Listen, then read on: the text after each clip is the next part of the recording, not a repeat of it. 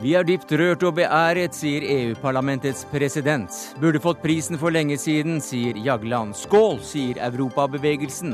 Et propagandanummer, mener Nei til EU. En hån mot arbeidsløse i Europa, sier Ap-representant. Feil vinner til feil tid, påstår SV. Pussig timing, mener Harpviken, og møter Johan Galtung til debatt.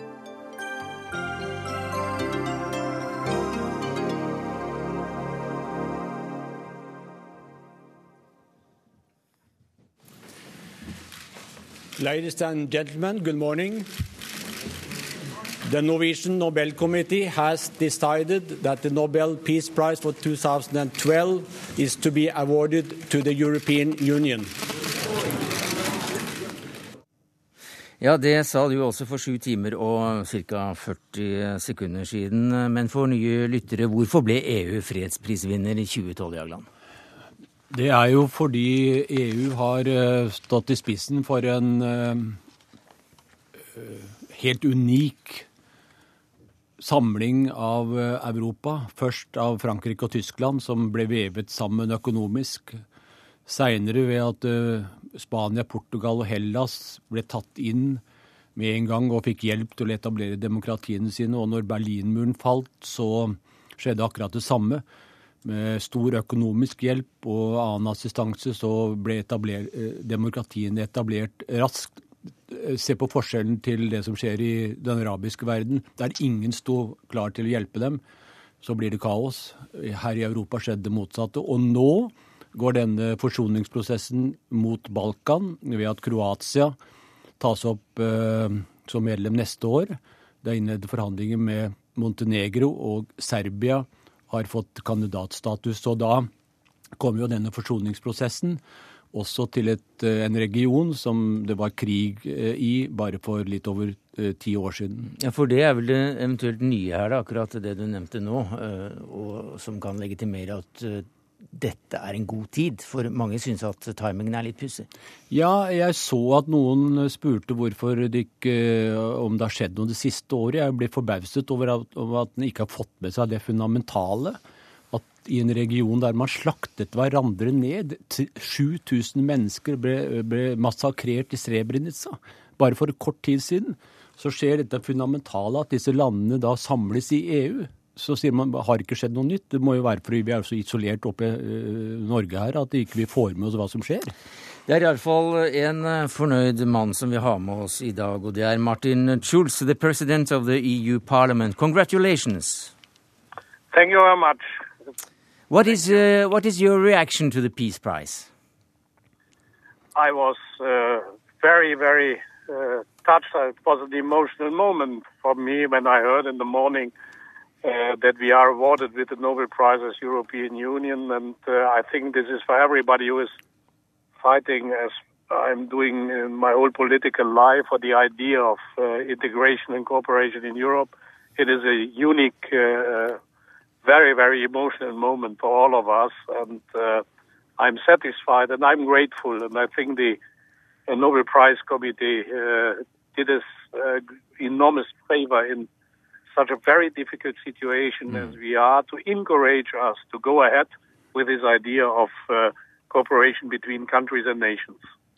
Schulz uh, takker altså uh, komiteen for å gi prisen, også i denne meget vanskelige situasjonen med kriser i Europa. Mr. Schulz, uh, we got the leader of the Nobel Peace Prize committee present in this studio, so if you want, um, you can um, talk directly to him just now.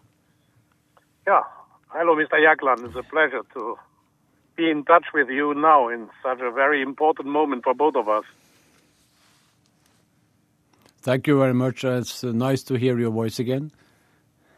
Thank you very much. It is uh, it is a chance for me to thank you for this uh, uh, decision and uh, to thank you, I think, on behalf of uh, my institution, the European Parliament, its members, but in the name of the whole European Union. Uh, I think the decision you made is an encouragement for those who are fighting for deepening of the integration and uh, are fighting for the role of, of Europe to create peace uh, within the European Union and via the European Union to contribute to a peaceful development in the world. and therefore, uh, thank you very much. This is uh, a historical day for the European Union, and uh, I want to honor also uh, you as the president of the committee, uh, the wise decision of the committee, and uh, thank you very much. This is an emotional moment for me personally, and uh, I know your long uh, European commitment. You, as a personality, contributed a lot to the European idea. Thank you very much. Thank you for your kind words. Thank you, Mr. President. Og, og apropos, har du hørt noe fra den, den første mannen du ga prisen til, nemlig Barack Obama? Ja, han har jeg hørt fra flere ganger. og Men i dag, har- når det gjelder eh, utdelingen? Ikke i dag, Ikke i nei. dag. nei. Eh, EU er da altså i krise. EUs sentrale institusjoner fremstår som delvis maktesløse i håndteringen av denne krisen. Også sosial uro har eh, spredt seg. Gapet mellom nord og sør i Europa vokser. Eh, Merkel møtes av denne nazihilsenen av demonstranter når hun besøker eh, Aten. Og allikevel så peker du på 2012 som et viktig år for å gi EU prisen pga. Balkan. Men mange vil si at eh, den begrunnelsen er tynn. Ja, nå er det ikke bare Balkan, men jeg konstaterer at man ikke har fått med seg at det skjer store ting på Balkan pga. EU. Men det er jo hele den historiske fredsprosessen som EU eh, har stått for. Og komiteen samlet sett mente at det var et viktig signal å gi til Europa om at man ikke måtte gi opp det som er oppnådd, ved å, at dette begynner å falle fra hverandre igjen. Det vil skape enda flere nazihilsener, kanskje, eh, og enda mer nasjonalisme, og vi har sett hva det har ført til i Europa. EU, presi- presidenten i EU-parlamentet kalte denne dagen historisk. Ja, jeg kan skjønne at de ser det slik eh, på det hold. For oss eh, i komiteen er det viktig Det var en viktig beslutning. Vi visste at det ville bli mye mm, motstand i Norge. Men vi visste at mange, mange europeere eh, vet hva fred og krig betyr. Og eh, det er, tror jeg er viktig å bli minnet på at det var jo det som var utgangspunktet for hele saken. Men hvordan har eh, diskusjonen innad i komiteen vært? Har det vært enstemmighet hele, hele tiden? Var det, en, var, det en helt, var det en vinner som pekte seg ut tidlig? Vi har hatt en normal prosess i komiteen ved at vi mm, tar gradvis ut de som vi mener ikke kvalifiserer, eh, og som, eller som må være på vent. Og til slutt så sitter vi jo igjen med noen få. Og eh, det har ikke vært noen vanskelig prosess. Det har ikke eh, vært noen stor uenighet, og komiteen er helt enstemmig. Men det ville det vel vært hvis eh, SV-veteranen Ågot Valle ikke hadde blitt sykmeldt og ikke da kunne delta i, i disse drøftelsene i komiteen. For hun er jo ihuga motstander av EU. Og mange spekulerer jo på i dag om hennes sykmelding har gjort det da lettere for en Jagland å, å, å få dette til. Ja, nå er det ikke jeg som har fått dette til, det er en enstemmig komité. Og jeg vet ikke hva Ågot Valle ville ha gjort i den komiteen. Jeg konstaterer at SV var med på en helt enstemmig stortingsinnstilling for en tid siden, der de sier noe av det samme som Nobelkomiteen gjør nå, nemlig betydningen for Europa, som må adskilles fra det syn man har om Norge skal være med i EU, det er en annen sak. Men det er veldig mange EU-motstandere som mener at eh, EU har vært betydningsfullt for stabilitet og eh, fred i Europa. Vi skal jo snakke med lederen i SV senere. Han er ikke helt enig i den eh, analysen. Men eh, SV, vi erfarer jo at SV-veteran Ågot Valle ikke stiller seg bak den prisen. Ja, men jeg kan ikke diskutere med, med folk som ikke sitter i komiteen nå. Jeg må jo forholde meg til den komiteen som Stortinget har valgt. Det første året du ledet komiteen, eh, så gikk den til eh, en nokså forbauset Barack Obama. Det, det medførte en debatt om hele Nobelkomiteens sammensetning. Året etter, år etter gikk det til den kinesiske dissidenten, og Norges forhold til Kina har ikke blitt helt som det var. Så ble det tre kvinner i fjor, også ganske spektakulært. Og så det er mange som mener at de tildelingene du har, eh, har ledet, har, har vært oppsiktsvekkende og storslåtte. Det er komiteene som har uh, Det er en leder, det er en leder da. Vi, vi er merker ikke- vel litt forskjell, gjør Ja, vi ikke men det? hvis du ser på historien, så har det vært veldig mange store, uh, viktige priser. Uh, så det er ikke noe nytt. Og jeg konstaterer at nobelprisen har en enorm prestisje i verdenssamfunnet. Så jeg syns jo det er veldig rart at man har denne pågående debatten om man skal ha andre medlemmer eller dette her. Det er jo en grunn til at nobelprisen har fått en så stor prestisje. Det er jo de prisene som faktisk er blitt valgt av de komitémedlemmene man har hatt. Så det blir jo samme som om man skulle da lage et helt nytt fotballag bare fordi man vinner.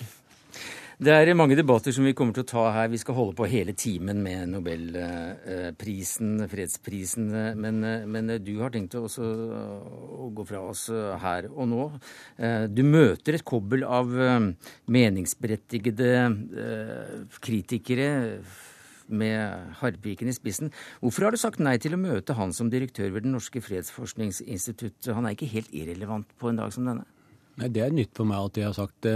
Han kan godt komme inn, så skal ja, vi diskutere. Flott. flott, Kjempefint. Harpviken, kan ikke du komme inn hvis det er noen som hører oss eh, der ute i, eh, i, i bakrommet?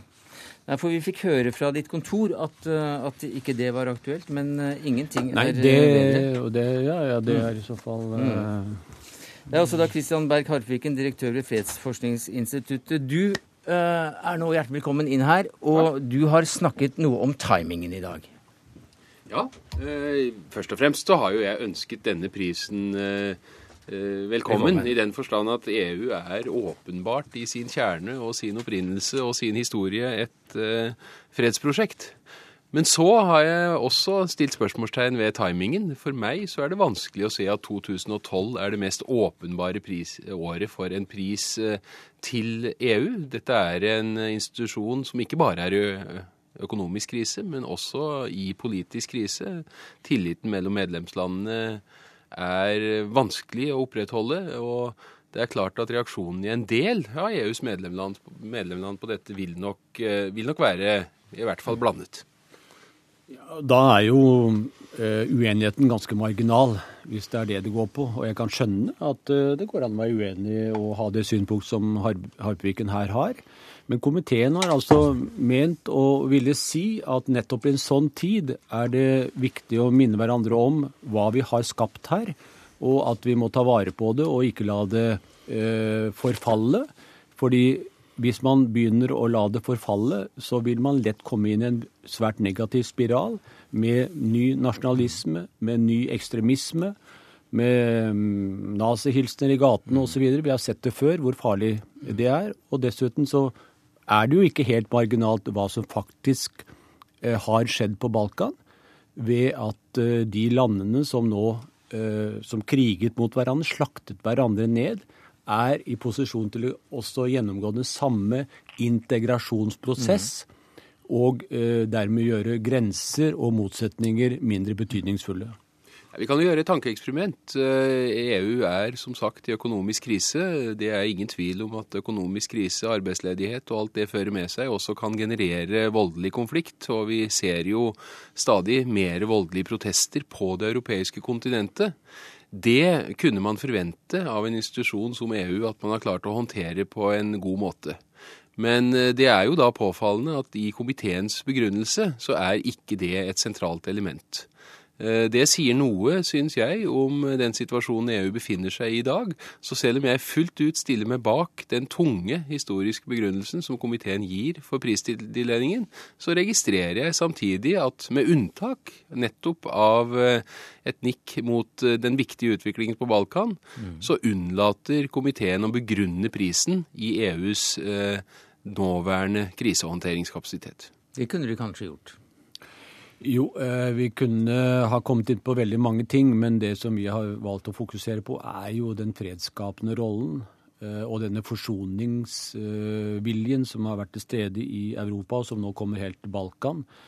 Eh, og jeg for min del vil jo si at i en sånn krisetid man er i Jeg ser klart det som Harbekken sier, men skulle man så å si Hvis dette systemet skulle oppløses, hvis vi ikke hadde dette rammeverket mm for å håndtere de innenfor. med alle sine svakheter, så hadde kanskje situasjonen vært enda verre. Og Vi hørte jo Schulz her, Harpviken, presidenten i EU-parlamentet, takke også for at det gir, det gir litt mot i en vanskelig tid.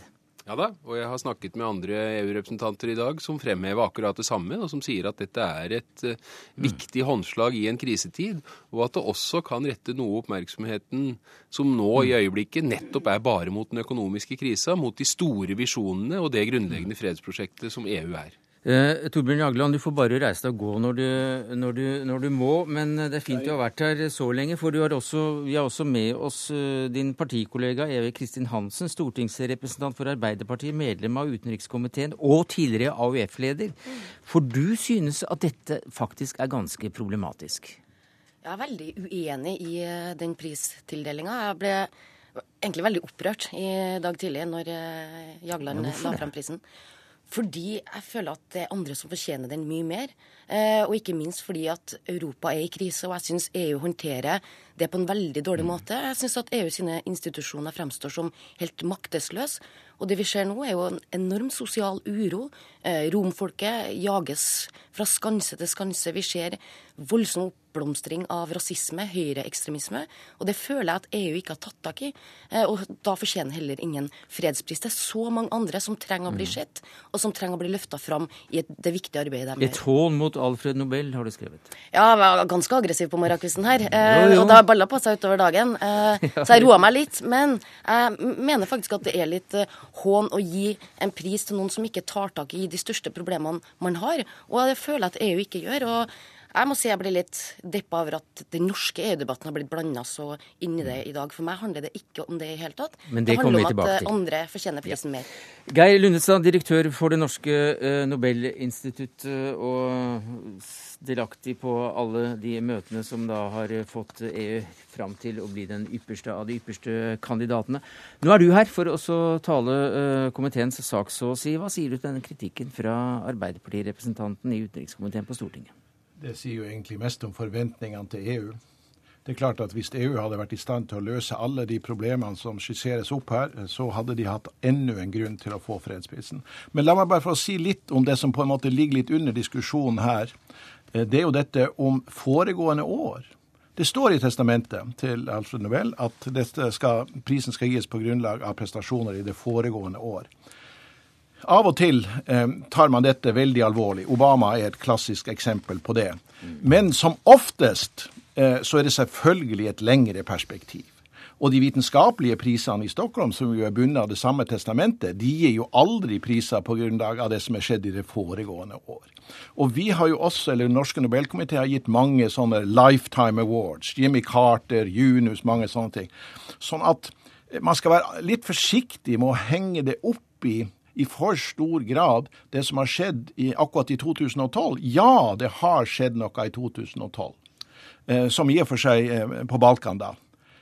Men altså, rent saklig så kunne jo EU de kunne ha fått fredsprisen for hver av de fire mm. andre prosessene som er nevnt.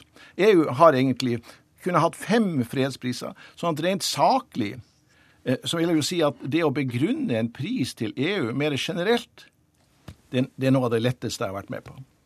Jeg er enig i at EU eh, e har en viktig historie og har betydd mye for utviklinga av Europa. Men det som vi ser nå, er jo på en måte når man snakker om stabilitet, at man ser et mer ustabilt Europa.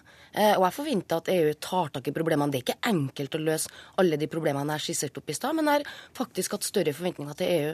Eh, og så må jeg bare si at hva betyr den prisen her for EU? Vi hører at EU-toppene er glad i dag. Men jeg har lyst til at prisen skal gå til folk som faktisk trenger den, og hvor det vil bety noe. Og det har vi opplevd med historien. på en måte At du har fokusert på ulike konflikter eh, mm. og fått dratt frem folk i lyset, mm. eh, er viktig. Men det har vi jo gjort i veldig mange år. De vrimler jo av den type prisvinnere. Rigoberta Menchu, Shirin Ebadi, Wangari Matai, Yunus Dere kunne gjort det i år også. Vi kan ikke gjøre det hvert år. Nei, Harpviken. Nei, til dette om eh, historisk pris versus en pris for det som er oppnådd de siste år, så er det jo et par ting å si. og det, For det første så er det jo klart at eh, eh, komiteen har en historie for å belønne mange for det de har oppnådd eh, eh, over et langt tidsrom. Og mange får jo denne prisen, mange har jo fått denne prisen egentlig på tampen av sin karriere snarere enn på høyden av sin karriere. Så får vi så se hva historien sier om EU. Det får vi se. Men, men, men utover det så er det jo én ting å gi noen en pris eh, på tampen av sin karriere, eller etter at mye er oppnådd. En annen ting er jo å gi en pris til en organisasjon som er eh, kriserammet uten å bruke håndteringen av den krisen som et kriterium for prisen, det syns jeg er eh, verdt å merke seg. Og jeg er jo ikke i tvil om at det er eh, en gjennomtenkt vurdering også fra komiteens side. Sier altså Harpviken som eh, den nåværende leder for Fredsforskningsinstituttet PRIO. Og Johan Galtung, du var instituttets første direktør, og du har jobbet med fredsspørsmål i en halvannen generasjon i alle fall. Nå er du direktør og leder eh, for det internasjonale fredsmeklingsnettverket Transcendent. Eh, hva mener du om tildelingen? Jeg syns den er glimrende. Aha. Jeg er veldig begeistret for den, og eh, jeg tror det er helt riktig å si at dette i Nobels testamente om det foregående år er litt kanskje forhastet fra hans side. Litt urealistisk, fordi et fredsinitiativ trenger jo litt tid for å bekrefte seg selv. Og ettersom vi er inne på Nobels testamente, så vil jeg si at EU som en relasjon mellom stater i høyeste grad har virket til å minke stående armeer. Bare tenk på de armeer vi hadde i Europa som var innrettet på krig mot andre europeiske land. Og i tillegg til det har virket for forståelse mellom nasjoner. Og Her vil jeg legge vekt ikke bare på det mellomstatlige forholdet i EU, men også hvordan de håndterer regioner innenfor EU. F.eks. det baskiske, det katalanske, eh, hele det irske problem. Hele det som ligger i forholdet mellom republikken og United Kingdom. Jeg syns det er veldig mm. fint. Jeg får bare si at den sto på min liste over elleve priser jeg gjerne skulle ha sett. Nå er altså den listen redusert. Ja. Da er du også litt på kollisjonskurs for så vidt med dagens eh, fredsdirektør i Norge, for han eh, mener at timingen er litt pussig? Vel, altså det kan man selvfølgelig si. Men man kan også si at her har eh, fredskomiteen, nobelpriskomiteen, tatt igjen det forsømte. Mm. Dette kunne vært gjort for lenge siden. Det kunne vært gjort for så vidt like etter at Schumann og Monet sa den dristige tanke høyt at Tyskland har oppført seg så forferdelig at det må bli medlem av familien. Og den familien eksisterte jo ikke, så de måtte lage den familien. Og per 1.1.1958 hadde vi altså den europeiske Economic Community, fellesskapet, og det har da utviklet seg videre. Mm. Det er ikke ofte vi ser ikke meg så veldig mye. Timingen har de helt rett i, og det er som et en politisk krise som er i ferd med kanskje å ødelegge EU. For EU er basert på likeverd, og EU er basert på empati, på samfølelse.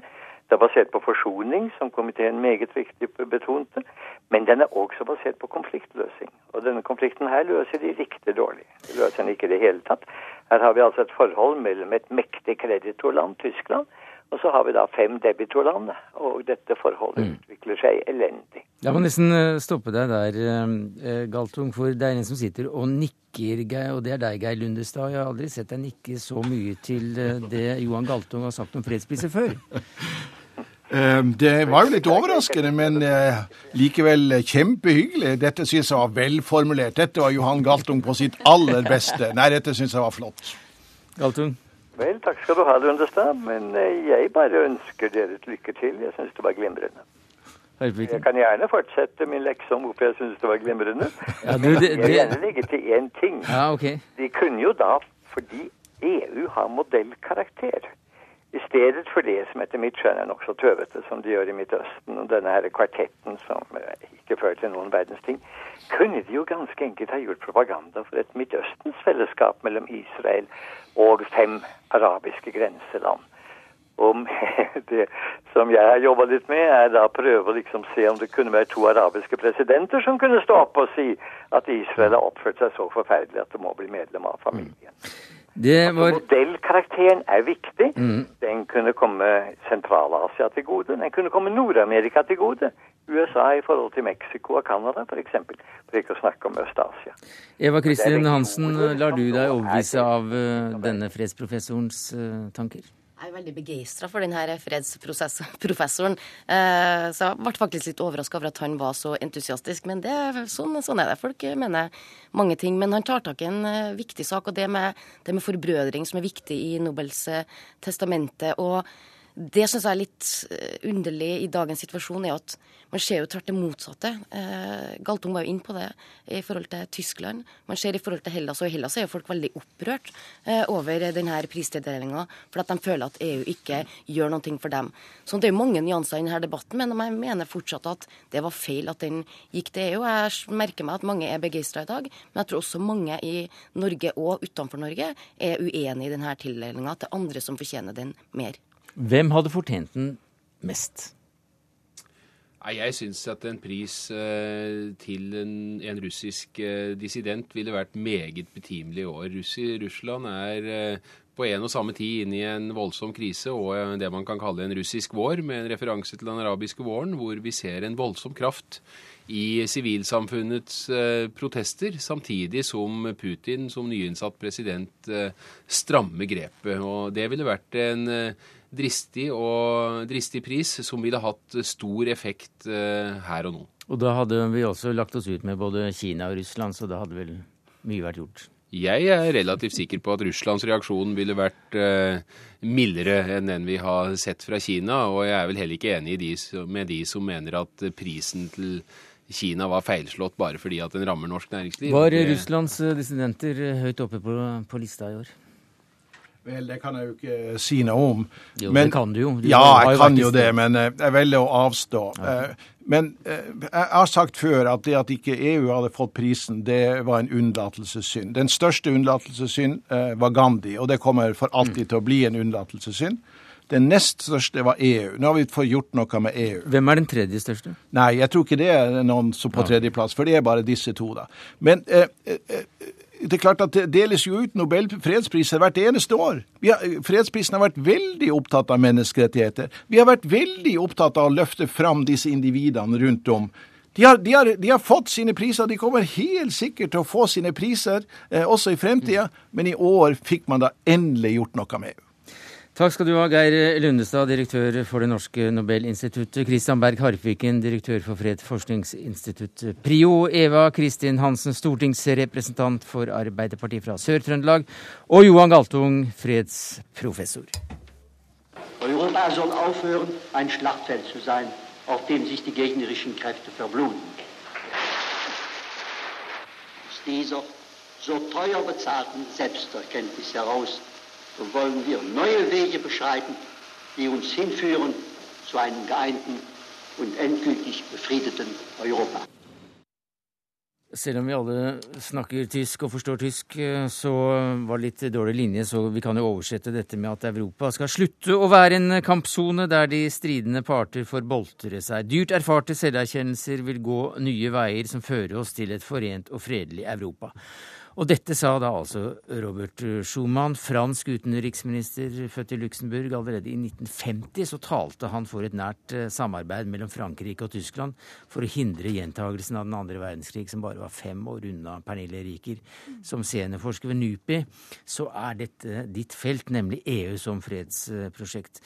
Eh, hva var opprinnelsen til EU som fredsbevarende prosjekt? Det var jo etableringen av kull- og stålunionen eh, som du nevnte 19, i 1950, som var et initiativ av eh, Robert Schumann og den franske statsmannen eh, Jean Monnet. Uh, og, og, tanken var jo å, uh, å, få en sammenslutning mellom uh, tungmetallindustrien Hvorfor akkurat det? Ja, Nettopp fordi at det var avgjørende for, for, krigføring, rett og slett. Så det å få, en, få underlagt disse industriene kontroll og felles institusjoner, ville, så man da på som å hindre, ville bidra til å hindre krig, en ny storkrig i Europa. Eh, så det er på en måte prinsippet om at eh, tettere samarbeid, gjensidig avhengighet og sånn, vil, vil, føre til fred og stabilitet. Og det har man jo sett at har, eh, har virket. Ja, for Man har jo sett på, på EEC, EF, EU som et prosjekt for å generere økonomisk vekst, først og fremst. Ja, men det var jo ikke det som var eh, utgangspunktet for selve integrasjonsprosessen, som man kaller det, eller samarbeidsprosjektet i Europa. Det var jo for å sikre fred og stabilitet. Så det lå i bånn? Det lå i bånn, eh, og, det og det begynte da med kull- og stålunionen. Og så har man jo sett eh, at, at man har sett en, en, på en, måte en videreføring av prosjektet. Både dypere integrasjon, altså mm. tettere samarbeid både på flere politikkområder og sterkere institusjoner, men også ved å innlemme flere land i denne prosessen. Og alt dette her bygger på samme ideen om gjensidig avhengighet, tettere eh, kobling mellom, eh, mellom eh, land, skal hindre, fred, nei, hindre krig og konflikt. Og midt i dette fredsprosjektet så sitter du som vår korrespondent Hegmo Eriksen i Brussel. Hvordan har EU-hovedstaden reagert på dette i dag? Ja, jeg har vært eh, på gata i dag, og der er det delte meninger, egentlig. Det er mange som sier at dette er flott og fantastisk. Og jeg møtte bl.a. tilfeldigvis på Spanias ambassadør til EU, som sa ja, da gratulerer jeg meg selv som EU-borger, og han syntes dette var helt uh, en flott nyhet. Så er det også mange som sier at de mener at Nobelkomiteen ikke kunne funnet en verre timing.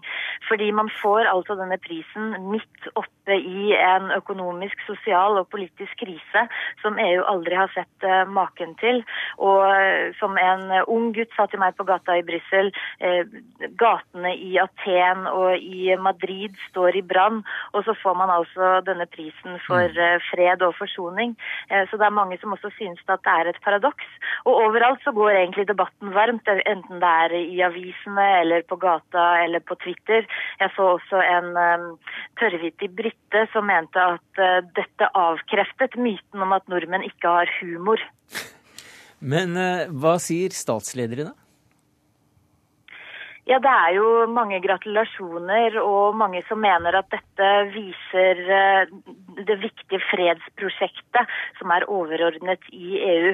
Og jeg møtte tidligere i dag eh, EU-kommisjonens president José Manuel Barroso. Mm. Han fremholdt også viktigheten av EUs eh, e fredsprosjekt.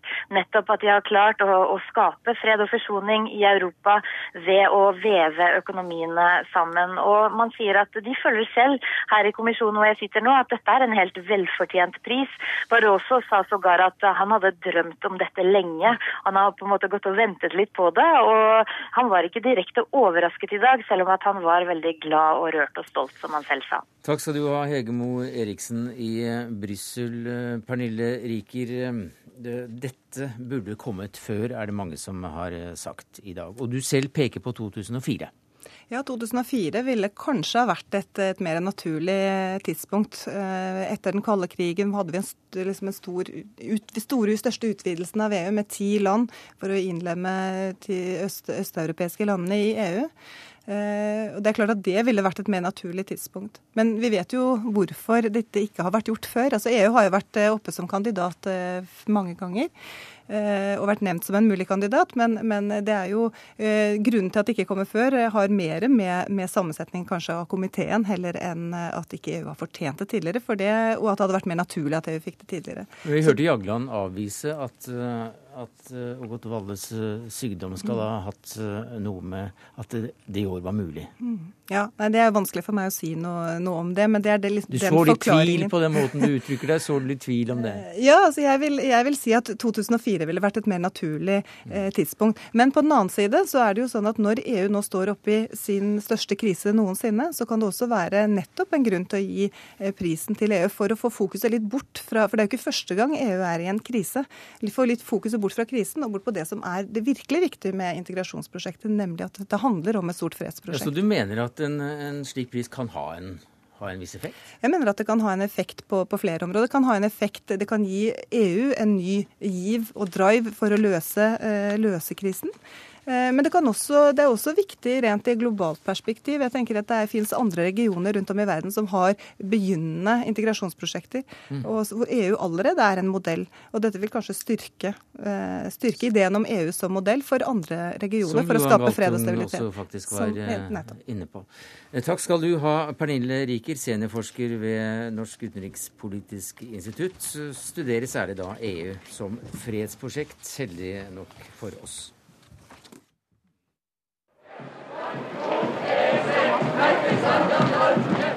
Det er f.eks. ingen grunn til å snakke om å selge land. Det dreier seg om et samarbeid mellom selvstendige nasjoner. Det toget som er satt opp til Brussel, er ikke vårt tog. Jeg mener vi sikrer Norges interesser best ved å gå inn i EU. Flytt deg, EEC, du står i veien for sola. Flytt deg, EEC, du står og truer vårt land. Flytt deg, se du står i veien for sola. Der du er, der sliter verden.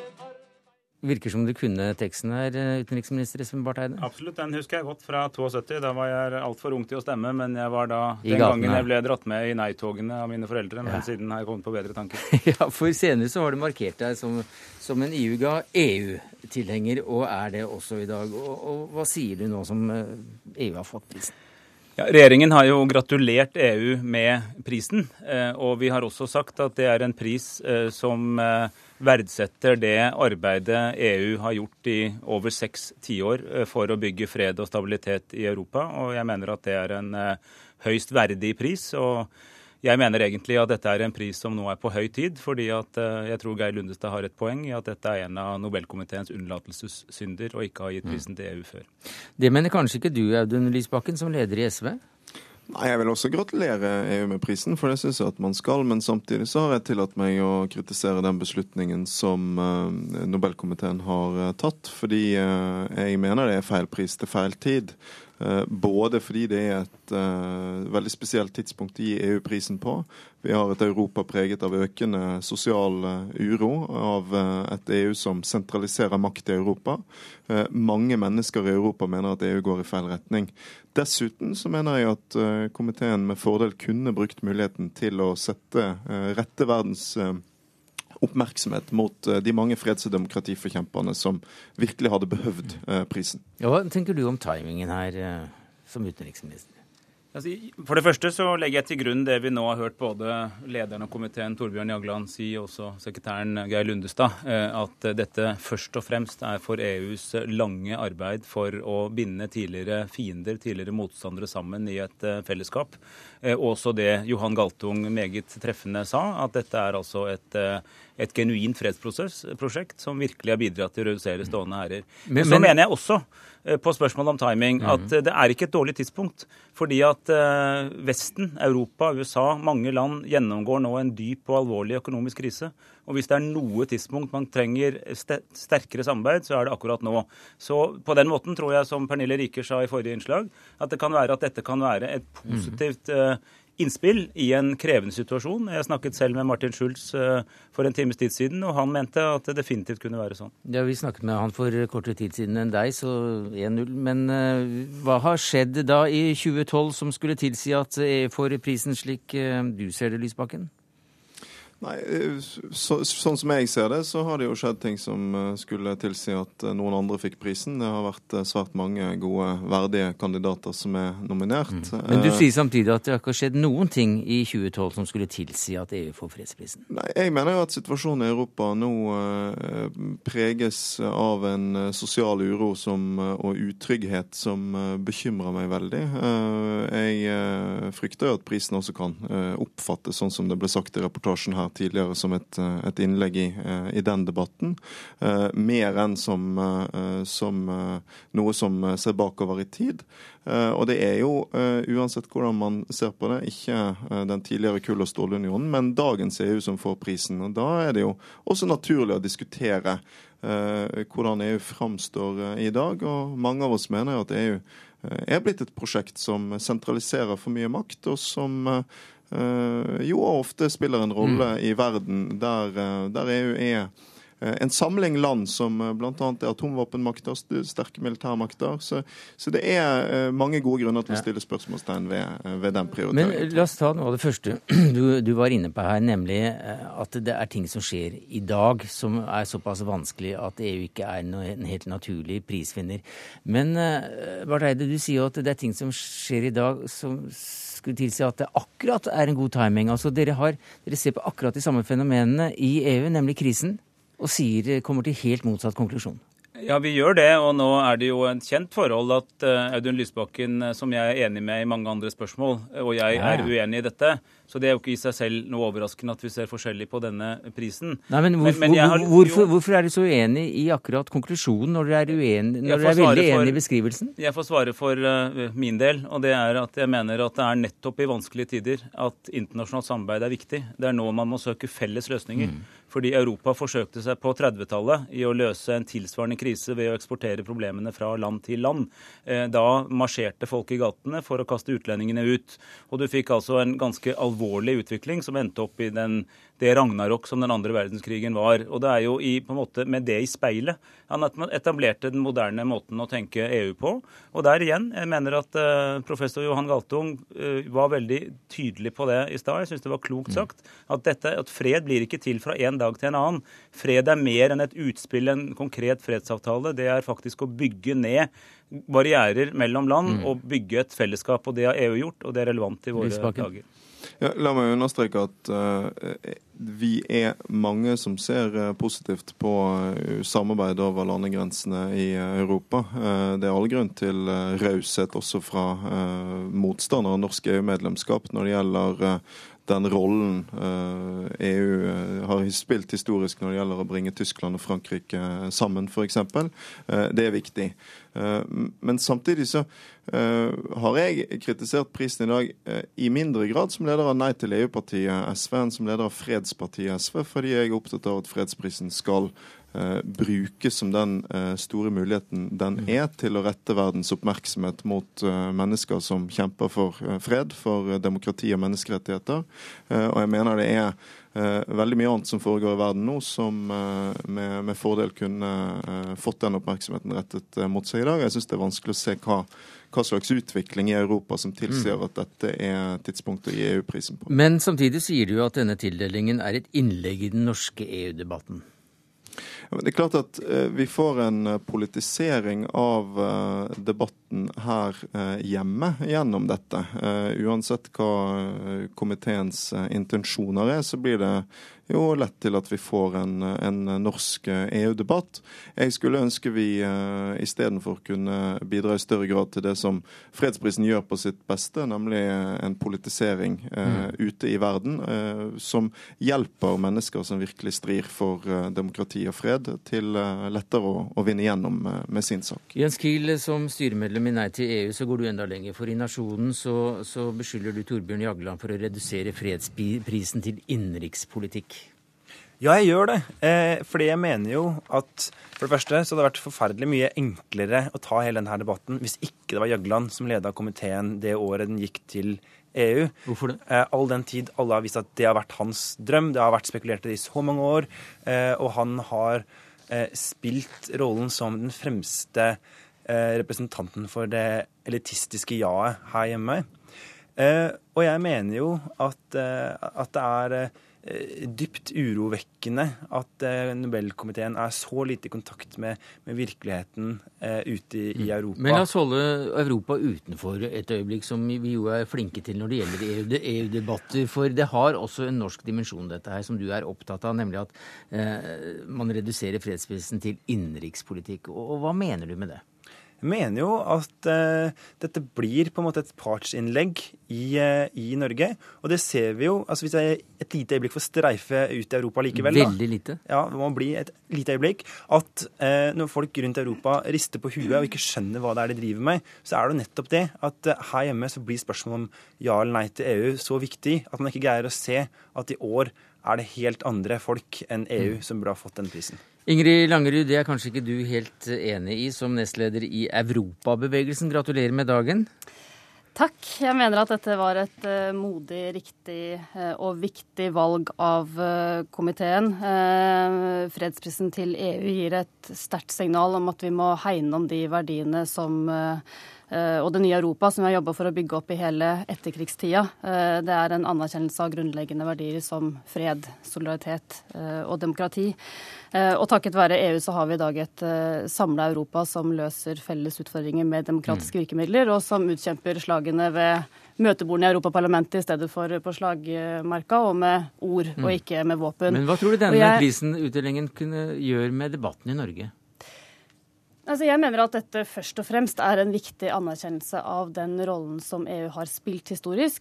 Vi og som de fortsatt spiller, over, og det har vi spiller hver dag. om. Når det gjelder den hjemlige Ja, debatten, eh, så vil jeg gi honnør til komiteen for at de nettopp ikke lar eh, den begrense å og stå i veien for eh, en tildeling til EU. Mm. Eh, For jeg mener at denne tildelingen er i tråd med komiteens internasjonale ansvar eh, og ånd, og at de nettopp lar det gå foran hensynet til norske innenrikspolitiske forhold. Og så mener jeg Ja, at et dette øyeblikk, er det må vi nesten få en eh, reaksjon på fra Nei til EU, eller ja. Altså, eh, Å late som at Jagland ikke er en aktør i den innenrikspolitiske EU-debatten, det er jo som å late som at det er slutt på dagene da Europas innbyggere gikk i tog i gatene. Det gjør de i dag også, men i dag er det ikke heldigvis mot utlendinger, men mot eh, EU og den antidemokratiske autoritære linja som eh, EU i dag representerer. Så det er eh, mørke, mørke sider ved dette, altså.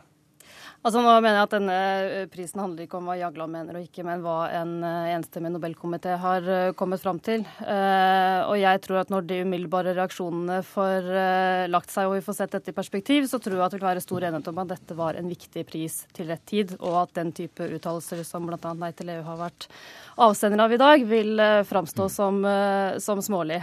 Eh, Og jeg mener at det passer ikke å sitte i en ja-nei-skyttergrav i dag, når det er fredsprisen vi snakker om. For, Nei, for dette det- handler ikke nei, om det kan du si, for en norsk det- i EU. Altså, vi, Et øyeblikk, jeg må bare få det er ingen komme- som komme kommer inn til å på en fremme krav om historie som jeg- folkeavstemning den 11. desember Men du, 2012.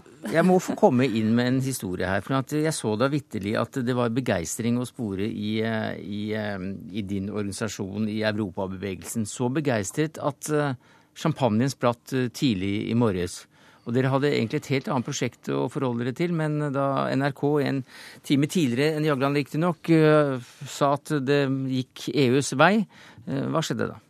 Det er klart at dette var en oppmuntrende eh, melding for eh, oss å få, og det er også noe som vi har eh, jobba for i mange år. Eh, og Derfor så sier vi at vi synes at det er både et modig eh, og et viktig valg. Eh, og det er viktig fordi det er en påminnelse av at fred, samarbeid og fellesskap i Europa er ikke noe vi skal ta for gitt. Nei, men jeg Eh, var litt, kan- mer, litt mer ute etter champagnehistorien her. Eh, ja, altså at eh, vi hadde en eh, samling og markering og feiring av lanseringen her. Vi, vi får se hva etterspillet eventuelt kommer til å bli. Men eh, la oss holde fast ved at eh, EU også da har fått eh, fredsprisen i, i 2012. Vi hørte at eh, 2004 hadde vært et atskillig bedre år. Så eh, hva slags situasjon kan man se for seg nå i framtiden og, og EU? Altså, kommer Tyrkia nå med? Hva, hva sier Tyrkia til denne fredsprisen? Blir det lettere å selge Tyrkia inn etter dette? Ja, altså hvis, eh, hvis jeg var med å bestemme, så mener jeg at det hadde vært riktig å legge til rette for at også Tyrkia kunne bli med i EU etter hvert. Nå er det jo ikke så mange som spør eh, Norge om det, siden vi ikke er med i EU. Men det er nå det standpunktet vi har, og faktisk har hatt i mange år, at eh, det hadde vært bedre å ha Tyrkia på innsiden. Hvis nå tyrkerne fortsatt vil inn i EU, og det er også opp til dem. Men jeg tror Langerud har et viktig poeng, som er at når mange snakker om en unnlatelsessynd, og komiteens eh, leder og sekretær selv sier det, så er det nok nettopp fordi man ikke har villet ta stilling i den norske EU-debatten, at man ikke har kunnet gjøre noe som mange der ute har sett på som rimelig opplagt at man på et eller annet tidspunkt burde gjøre. Som det da er 2012 eller 2004, syns jeg er litt underordnet at dette er en, eh, en god og en riktig pris. Og så tror jeg faktisk at det kan ha en innvirkning på stemningen i Europa og i EU-prosjektet at man blir minnet om litt fra utsiden om hva dette egentlig dreier seg om. Det er en eh, himmel som er større enn den dagsaktuelle politiske situasjonen. eh, Og det er det grunnleggende fredsprosjektet som dette i bunn og grunn er. Takk skal du ha, utenriksminister Espen Barth Eide. Takk til eh, Ingrid Langerud i Europabevegelsen, til Jens Kiel i Nei til EU, og til Eivind Audun Lysbakken, leder i SV. Vi skal få inn eh, kommentatorene. Og mm, først eh, vår eh, egen, som på NRK Ytring skrev at eh, EU må vurderes i konkurranse med andre verdige kandidater, og der mener jeg Nobelkomiteen trår feil. Og hvordan forklarer du da dette feilskjæret, Groholm, utenrikskommentator her i NRK? Nei, jeg tror for så vidt at Nobel altså hvis jeg, Hvordan jeg forklarer hvorfor det har skjedd, så vil jeg si at Ja, Det har jo sammenheng med at du har en eh, leder, ikke minst av Nobelkomiteen, som virkelig, virkelig tror på dette her. Eh, og du hadde en mulighet som det var enklere nå i år, fordi SVs representant var ute av komiteen. Så det var på en måte en gyllen anledning til å fullføre det som har vært eh, både sekretærens og lederens prosjekt ganske lenge. Og så var da ikke Senterpartiets representant Gunnar Stålseth så ihuga EU-motstander som mange i hans parti. Så da ble det mm. politisk mulig. For uh, det var Stålsett som da var vara for uh, Ågot Valle. Hva sier du til det, Hanne Skartveit, politisk redaktør i, i VG. Er det så personavhengig at hvis du har en ihuga EU-mann i toppen, så skjer slikt?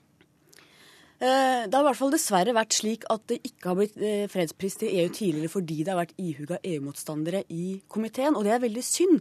For at tildelingen av fredsprisen til EU handler jo ikke om Norge og norsk medlemskapsdebatt. Det er litt synd når Gro Holm også på en måte trekker det inn i det perspektivet. For det handler jo om Europa, om fred i Europa, ikke om hvorvidt Norge skal gå inn eller ikke. Jeg er veldig glad i dag. Det er ikke mitt perspektiv, bare for å ha det sånn. Jeg har ikke trukket det perspektivet inn i kommentaren heller. Men det er i hvert fall en veldig god dag. Jeg syns det var kjempefint at EU fikk den fredsprisen. Jeg ble veldig glad da jeg hørte det. Men eh, tilbake til Jagland. altså Dvele litt ved hans eh, rolle her. Arne Strand, sjefredaktør i Dagsavisen. Det er blitt sagt at uh, dette er et, et slags Jagland-prosjekt, en del av et Jagland-prosjekt. Hvordan ser du det? Ja, Det tror jeg eh, du godt kan si. Jeg tror ikke at Nobelkomiteen ville gitt prisen til EU hadde ikke Torbjørn Jagland blitt leder av komiteen Eh, Torbjørn Jagland har jo tidligere vist at han er veldig uridd. Han har sine klare oppfatninger. Han har etter min mening hevet eh, nobelprisen på mange måter. Fått diskusjon rundt den igjen. Og den vekker jo hele tiden oppmerksomhet. Mm. Ikke bare her i landet, men i mange andre land. I USA med Obama, i Kina med dissidenten som for to år siden fikk, eh, fikk prisen. Jo, jeg tror det. Jagland har hele tiden, eller veldig lenge, ment at EU hadde fortjent en fredspris.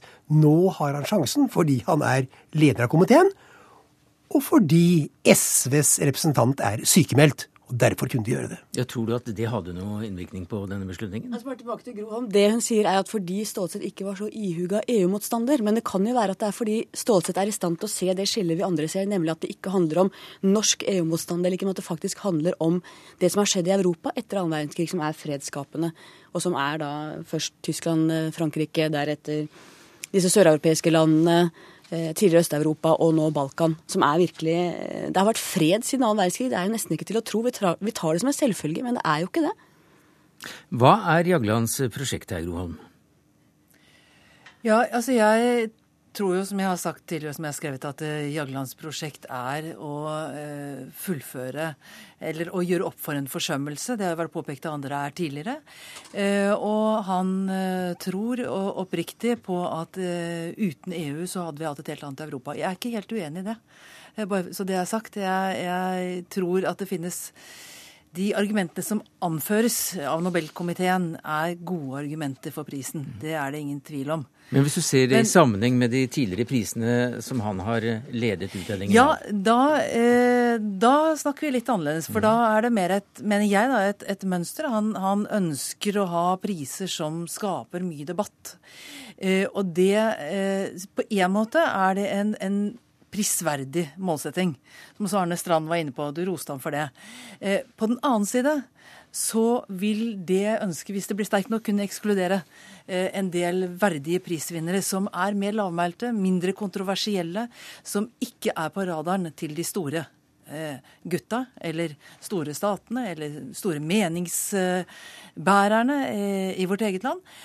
Og det syns jeg er synd mer stillfarne personer eh, eller organisasjoner som også i høyeste grad fortjener prisen, og som kanskje hvem prisen kunne betydd enda veldig mye mer, fordi de befinner seg på marginalene. Forskjellen er eh, mellom Jagland og de andre går nettopp der at Jagland vil ha debatt. Han vil ha politisk debatt, og han vil at prisen skal få politiske virkninger. Jagland er jo politiker. Han har vært statsminister og utenriksminister og er politiker, toppolitiker i Europa i dag. Så han ser dette poenget mye klarere, nemlig at nobelprisen kan brukes til forandringer i verdenssamfunnet. Som han også sa i dag når det gjelder denne prisen til EU. Det ville være forferdelig om EU-prosjektet nå faller sammen under eurokrisen. Jo, men spørsmålet er jo da, Arne Strand, hvis uh, han mener det, og det er for så vidt i tråd med det jeg også, sånn, slik jeg tolker det, så kan uh, barnet ut med badevannet og alt sånt, men du kan, du kan i hvert fall kanskje forsømme deg ved å ikke gi det til folk som også hadde fortjent det, men som ikke er i stand til å nå opp på den diskusjonsagendaen for nobelprisen. Og da mener jeg, da kan du, da kan du fort havne i en situasjon hvor du, eh, hvor du også kanskje handler litt i strid med det som er ånden i Nobels testamente. At man skal gi til den som best har gjort eh, best, mest eller best har fortjent. Men det, vi var jo i noen år inne i en situasjon der nobelprisen ble mottatt med et langt gjesp, ikke bare her i landet, men i utlandet. Det betydde ingenting. Det, en, det kom et navn, og så ble mm. det straks glemt. Han har klart i alle fall å få internasjonal debatt og oppmerksomhet rundt prisen på en annen måte enn forgjengerne. Nå var det vel ikke sånn at hele verden visste hvem Liu Xiaobo var før han fikk prisen i 2010, eller hvem kvinnen fra Jemen som fikk fredsprisen i fjor var. Det er jo en god blanding her, syns jeg. Eh, jeg var blant dem som faktisk støttet nobelprisen til Barack Obama eh, i 2009. Jeg vet at jeg er en av de svært få som gjorde det. Jeg mener fortsatt at det var riktig. Eh, jeg tror vi må lese disse prisene i det perspektivet Arne Strand trekker opp her, at det skal ha en virkning at det skal ha en betydning. Og jeg syns at Torbjørn Jagland har bidratt til å gjøre fredsprisen relevant igjen. Eh, etter at Mjøs bl.a. syns jeg gjorde den litt mindre relevant i en del år. Det har jo vært debatter nå rundt komiteens sammensetning, hvem som skal utpeke dem etc. Ikke hvem som skal utpeke dem, men hvem som skal pekes ut. Eh, vil det komme en ny debatt etter dette? Eh, ja, den er jo i gang. Så det er klart at det kommer. Og det det er jo helt åpenbart at der vil SV stå på den ene side i debatten. Eh, spørsmålet er hvor mange andre som vil engasjere seg. For hvis det blir en ren debatt mellom SV og resten, eh, kanskje litt med noen fra Senterpartiet, så, så, så er det klart da stillende etter hvert. Eh, og så blir det akkurat som før neste år. Men Debatt har det vært hele tiden. Men jeg synes det poenget, at det er politikere som skal sitte i Nobel komiteen er helt riktig, fordi det er en politisk pris. Skal du utgi en litteraturpris, så hører du på litteraturvitere. Og skal du utgi en kjemipris, så hører du på kjemikere. Kan du ikke når, heller hørt da, på fredsforskere, f.eks.? Jo, det, jo, det kan du gjøre. Men denne prisen er altså i, grunnleggende sett politisk, og da må det være folk med politisk innsikt og forstand. De behøver ikke vært medlem av regjeringen eller vært medlem av Stortinget, men det bør i alle fall være politisk kompetente mennesker. Det har vært en god blanding. Det har vært stort sett stortingspolitikere, men alltid noen hva skal si, legfolk. Nå er det Berit Reiss-Andersen og det Giske Andersson som var profilert, eh, et profilert medlem i mange år. Francis Sejersted. Så det har vært en god blanding. Så det har ofte vært mange tidligere politikere, men også noen andre. Jeg syns eh, Nobelkomiteen har fungert godt eh, stort sett gjennom årene. Hva da, men, hva da til slutt her nå med den innenrikspolitiske virkningen her? Kan uh, Senterpartiet vinne noen prosent på, på dette ved at EU-spørsmålet igjen fyker opp? Jeg, jeg syns altså SV og Senterpartiet i dag gråt noen krokodilletårer. Ja. De burde jo være veldig fornøyd med at nå kan vi kanskje få en EU-debatt igjen. For er det noe som kan få Senterpartiet og SV vekk fra sperregrensen og kanskje ut av Stortinget ved neste valg, så må det jo være en ny E-diskusjon. De bør være glad, de. Jeg synes Det er utrolig sneversynt at noen klarer å gjøre dette til en debatt om norsk EU-medlemskap, når vi vet at det altså er en debatt til EU som fredsskaper i Europa, som har bidratt til at vi har hatt fred i Europa i helt siden annen verdenskrig. At man klarer å redusere det til en debatt om norsk EU-medlemskap, syns jeg er ekstremt sneversynt og ganske dårlig. Men ingen her har gjort eh, det, vel. Men eh, er det noe annet eh, Jagland er opptatt av, siden han er så sterk leder, som kan gi oss en retning om hvor prisen går neste år? Jeg går ut fra at Lier idrettslag blir for smått, men Europa Europarådet? Ja, det blir antagelig eh, altfor eh, smått. Jeg tror at han eh, neste år ser seg om til andre verdensdeler, f.eks. Sør-Amerika. Ja, Det er jeg helt enig i. Det er veldig lenge siden, det er vel et par og tjue år siden Sør-Amerika fikk det sist. Og eh, nå har han jo haket av EU, da. Så da står komiteen fritt igjen til å, å, se i andre retninger. Og jeg vil tro at det vil være naturlig å se både til folk som jobber med fred mer direkte, mm. eller menneskerettigheter, og til andre kontinenter. Jeg synes Det mest spennende hadde vært hvis han ga den til noen i Russland. Vi ser jo hvordan Putin eh, strammer grepet, og det hadde vært eh, utfordrende og interessant. Det var det vi rakk eh, i dag, Groholm. Takk skal du ha som kommentator her i NRK. Hanne Skartveit, politisk redaktør i VG. Arne Strand, sjefredaktør i Dagsnytt 18. Uten at vi i det hele tatt klarte å komme inn på hva i all verden EU skal bruke pengene til. Sa jeg noe galt? Du sa Dagsnytt 18. Dagsnytt 18, ja. Dagsavisen. Dagsnytt 18 er over for i dag. Takk skal dere ha.